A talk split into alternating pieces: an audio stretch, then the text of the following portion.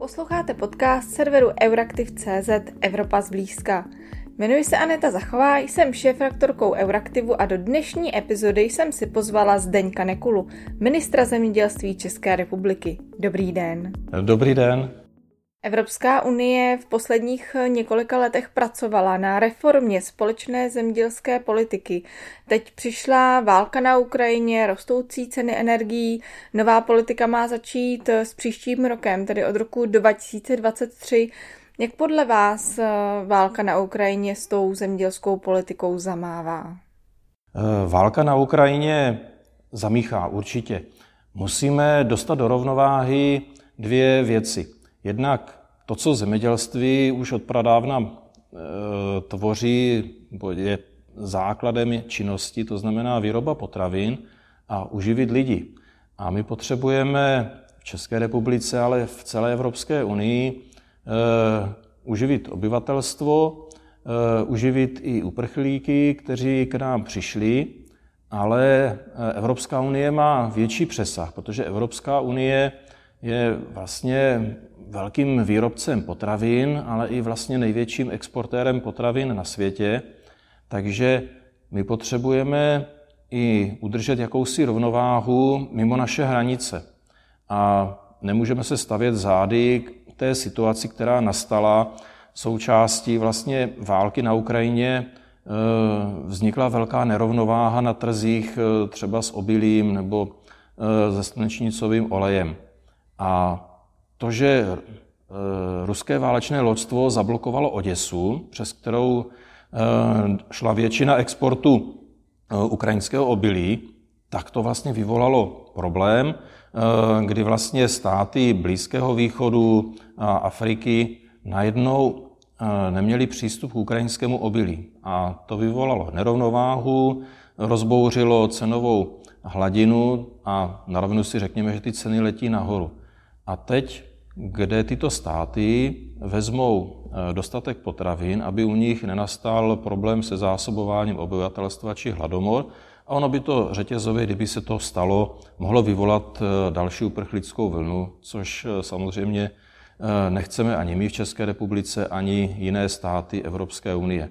Takže ten dopad tam bude. Na druhou stranu nesmíme zapomínat na to, že zemědělství má výrazný vliv eh, i na životní prostředí a my chceme, aby jsme produkovali potraviny, ale šetrnějším způsobem, ohleduplnějším, eh, abychom lépe hospodařili v krajině. Protože průmyslový charakter zemědělství už eh, začíná narážet na své limity a začíná se stávat kontraproduktivním. Takže je potřeba věnovat více pozornosti eh, šetrnějšímu hospodaření v krajině, abychom lépe hospodařili s vodou v krajině, zabraňovali vysušování, měli více krajných prvků, mysleli na biodiverzitu. A tyto věci jsou velmi důležité. A samozřejmě, když produkujeme potraviny, tak chceme, aby ty potraviny byly zdravější. Jo. To je prostě zadání od obyvatel Evropské unie, nejenom z České republiky, ale napříč všemi státy Evropské unie. To zadání zní, abychom vyráběli zdravější potraviny, abychom podpořili menší zemědělce, abychom podpořili mladší zemědělce. Takže o tom je ta nová společná zemědělská politika. Dělejme ty věci lépe a ohleduplněji eh, k životnímu prostředí. Zůstala bych přece jenom ještě u těch eh, environmentálních opatření a klimatické politiky. Vy říkáte, že napříč Evropou panuje schoda, že bychom eh, měli pokračovat v těch ambicích, nicméně zároveň Evropa zmírnila eh, ta pravidla, která musí zemědělci dodržovat. Zemědělci nyní například mohou využívat i tu plochu, kterou původně měli nechávat ležet ladem právě kvůli těm environmentálním cílům. Znamená to, že tato opatření, eh, tyto ústupky jsou jenom eh, nějakým dočasným krokem a že se poté vrátíme opět k těm přísnějším požadavkům? Ano, pro letošní rok eh, všechny státy členské všechny členské státy Evropské unie mohou využívat takzvaný úhor k pasení dobytka, k pěstování a sklízení krmení pro dobytek, či případně na těchto plochách pěstovat bílkovinové plodiny, ale tato výjimka platí pouze pro tento rok. Na druhou stranu je potřeba říci, že se víceméně jedná o symbolické gesto, protože v rámci České republiky úhor aktuálně tvoří nějakých 6700 hektarů, což je vyloženě marginální záležitost. Takže ano, může to pomoci, ale není to stěžení, není to tak velká změna, jak by někteří chtěli prezentovat a je to vyloženě dočasná výjimka pro tento rok.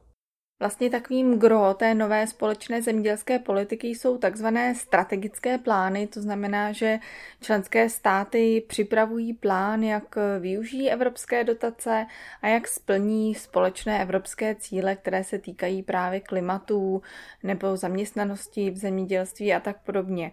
E, myslíte si, že to je dobře, že Evropská unie takto tu svoji politiku zemědělskou zreformovala a že nyní e, členské státy musí vypracovat zpracovávat takovéto plány? Nic není statické, eh, život se vyvíjí i nahlížení na jakoukoliv lidskou činnost. A to souvisí s tím zemědělstvím. Eh, to zadání od obyvatel, od rovná se voličů je, že ano, chceme po zemědělcích, eh, aby produkovali potraviny, ale chceme, aby ty potraviny byly zdravější a při tom hospodaření aby ti zemědělci hospodařili ohleduplněji eh, vůči té krajině, vůči životnímu prostředí. A ono, když se to dobře nakombinuje, tak eh, tyto zdánlivě protichůdné věci, myslím jako produkce potravin a ochrana životního prostředí, eh, může se jevit jako věci, které jdou proti sobě, ale ono to jde skloubit. Pokud se to dobře promyslí a nastaví, tak to lze udělat.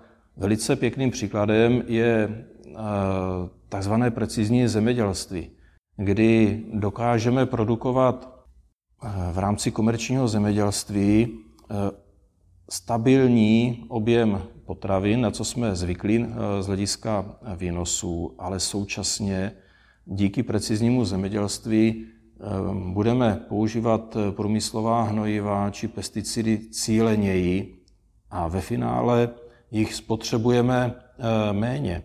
Dokonce, pokud by se eh, používali někde eh, průmyslová hnojiva či pesticidy více, myslím tím natužívali, to vlastně už je kontraproduktivní a naopak by to mohlo snižovat výnosy. A tím, že používáme optimálně, tak zachováme ten objem produkovaných potravin či dokonce, dokonce může dojít k dílčímu navýšení třeba těch hektarových výnosů, ale to podstatné je, že uspoříme eh, průmyslová hnojiva i pesticidy, ochráníme životní prostředí, ale zároveň eh, to bude znamenat snížení nákladů na straně zemědělců. A v současné době, kdy ta válka na Ukrajině nejenom, že vyšroubovala Eh, ceny zemědělských komodit nahoru, ale eh, s tou válkou souvisí i prudký nárůst eh, cen plynu.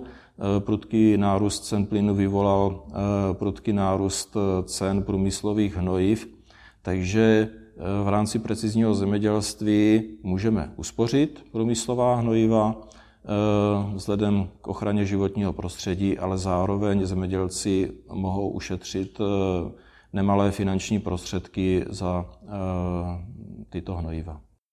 České a evropské zemědělství se teď nachází v poměrně složité situaci. Eh, může se to válka na Ukrajině, rostoucí ceny energií, zkrátka ta situace je poměrně nestabilní. Věříte v to, že třeba za několik let nebo třeba i měsíců se nám podaří toto těžké období překlenout a že se zase dostaneme, řekněme, do nějakého stabilního stavu? Já jsem optimista. Já věřím, že eh, válka skončí, jenom eh, eh, nedokážu odhadnout ten termín, ale válka skončí a nastane určitá stabilizace, ta situ, stabilizace situace u cen komodit, myslím třeba cen obilí, eh, uklidní se situace kolem plynu, kolem ropy a tak dále. Jsem ale realista, ta nová cenová eh, hladina bude vyšší, než na co jsme byli zvyklí eh, před válkou. Takže to je jakoby to nejbližší. Ale obecně zastávám ten názor, že Eh, zemědělství se posune dál, že se vrátíme k těm eh, záměrům, k těm původním cílům, jak eh, šetrněji a lépe hospodařit v krajině, ale současně zachovat či dokonce navýšit produkci potravin a samozřejmě chceme, aby ty potraviny byly zdravější. Ono to zdánlivě se jeví jako protimluv, ale Eh, ten vývoj jde dopředu.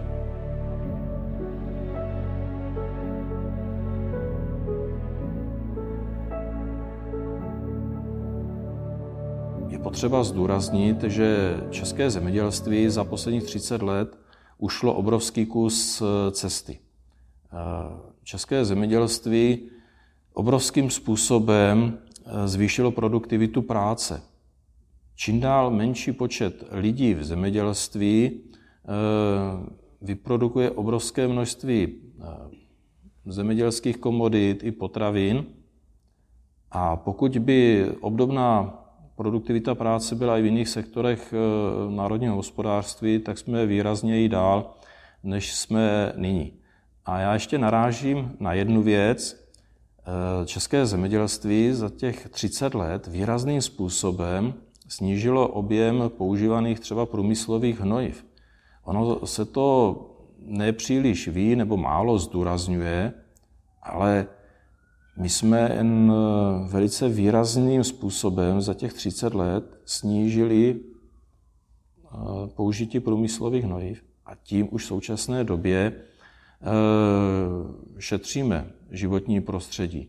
Ale je potřeba hledat další cesty, další způsoby, eh, jak v tomto pokračovat. Samozřejmě nelze do nekonečna jít úplně eh, zrušit eh, používání průmyslových hnojiv či pesticidů, ale hledat šetrnější způsoby používání, cílenější a tam vidím jako tu cestu.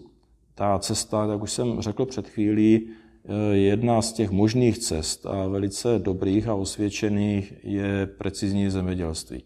To si myslím, že nám velice eh, pomůže, pokud do toho půjdeme. Eh, řada zemědělců o tom uvažuje, někteří už eh, se do tohoto pustili.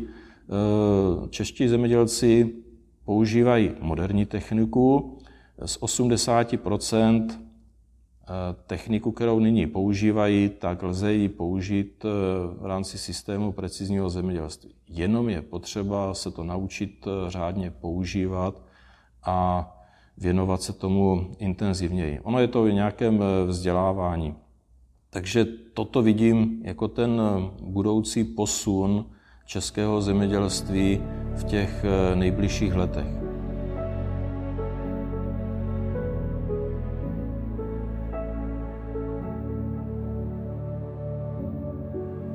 Velice důležitou roli eh, bude hm, řeknu takové to úsilí, boj za udržení vody v krajině.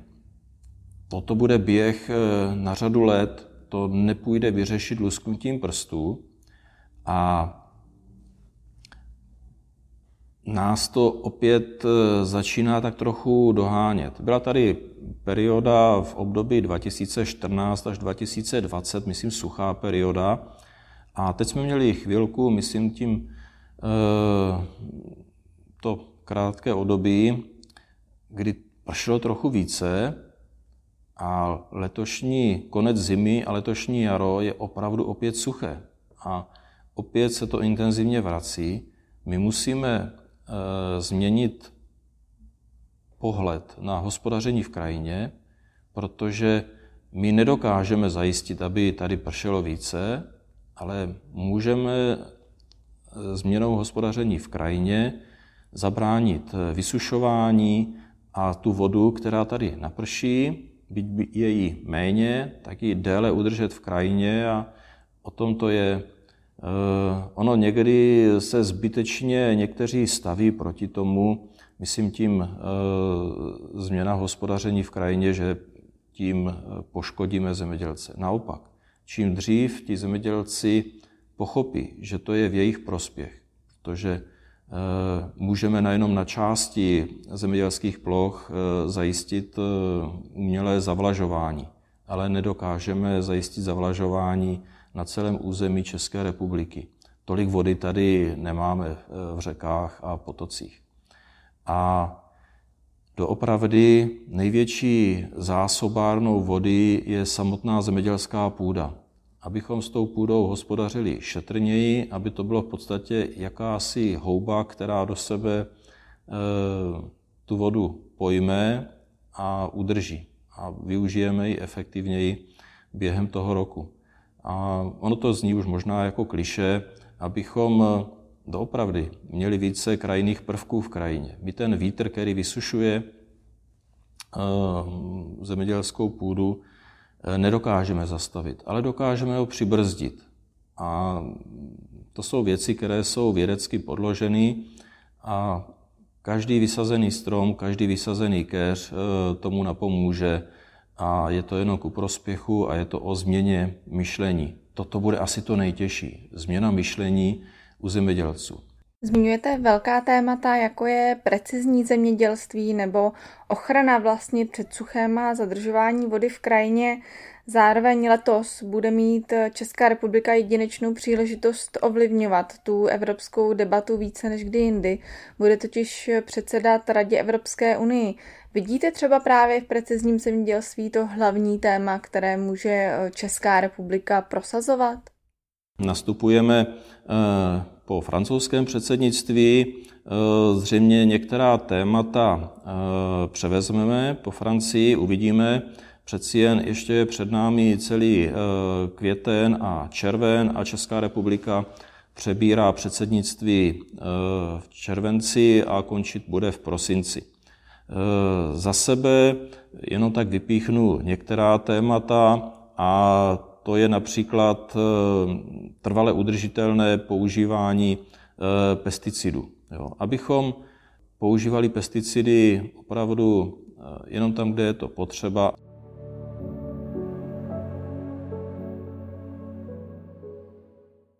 Velice velké téma je téma odlesňování.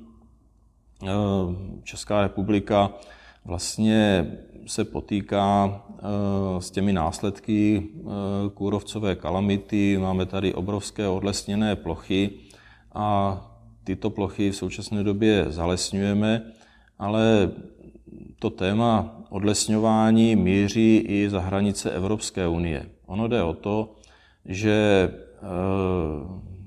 eh, v tropických krajích dochází k obrovskému odlesňování a mm, v závislosti na produkci e, třeba soji a e, hospodaření, a ne třeba v Brazílii. A teď jde o to, abychom ten boj e, s odlesňováním drželi v nějakých mantinelech, aby s tím úsilím proti přílišnému odlesňování nebyla spojena příliš velká byrokracie, která se ve finále stane kontraproduktivní eh, při obchodování se zemědělskými komoditami a tak dále. Abychom, eh, řeknu, při prosazování dobrého úmyslu nenapáchali eh, více škody a trošku si nepodrazili nohy v rámci Evropské unie. No a jinak my jsme sice vnitrozemský stát, ale na nás čeká eh, velice jakoby z tohoto pohledu kuriózní téma a to, jsou, eh, to se týká mořského rybolovu a eh, nastavení rybolovných kvót.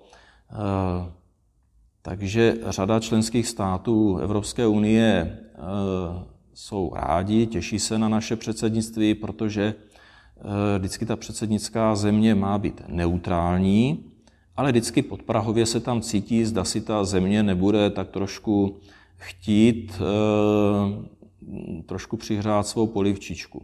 A rybolovné kvóty to je hodně horké téma v rámci Evropské unie. A protože my tam eh, nemáme žádné zájmy, protože jsme vnitrozemský stát, maximálně sladkovodní akvakultura eh, nás eh, zajímá, tak budeme doopravdy tím neutrálním hráčem i u tohoto ožehavého tématu. Takže já se upřímně těším na to období od července do prosince. Bude to časově náročné, ono to polkne spoustu času, eh, aby všechny eh, ty rady ministrů zemědělství, které se budou konat, ať ty oficiální nebo neformální, eh, budou představovat obrovskou časovou zátěž, bude potřeba všechno připravit a já si myslím, že ve spolupráci tady s kolegy z Ministerstva zemědělství uděláme maximum pro to, aby eh, Česká republika zanechala ten nejlepší dojem eh, v rámci toho společenství, společenství 27 států Evropské unie. Pane ministře, já vám moc děkuji za rozhovor a budu vám držet palce, aby se to předsednictví vydařilo, aby se České republice podařilo eh, smířit třeba ty rozhádané státy v otázce rybolovných kvót a budu se těšit třeba zase příště na rozhovor. Také děkuji a někdy příště naslyšenou. Redakce Euraktiv.cz se s vámi pro tentokrát loučí. Děkujeme, že nás posloucháte. Pokud se vám dnešní epizoda líbila, budeme rádi, pokud náš podcast doporučíte vašim kolegům či známým.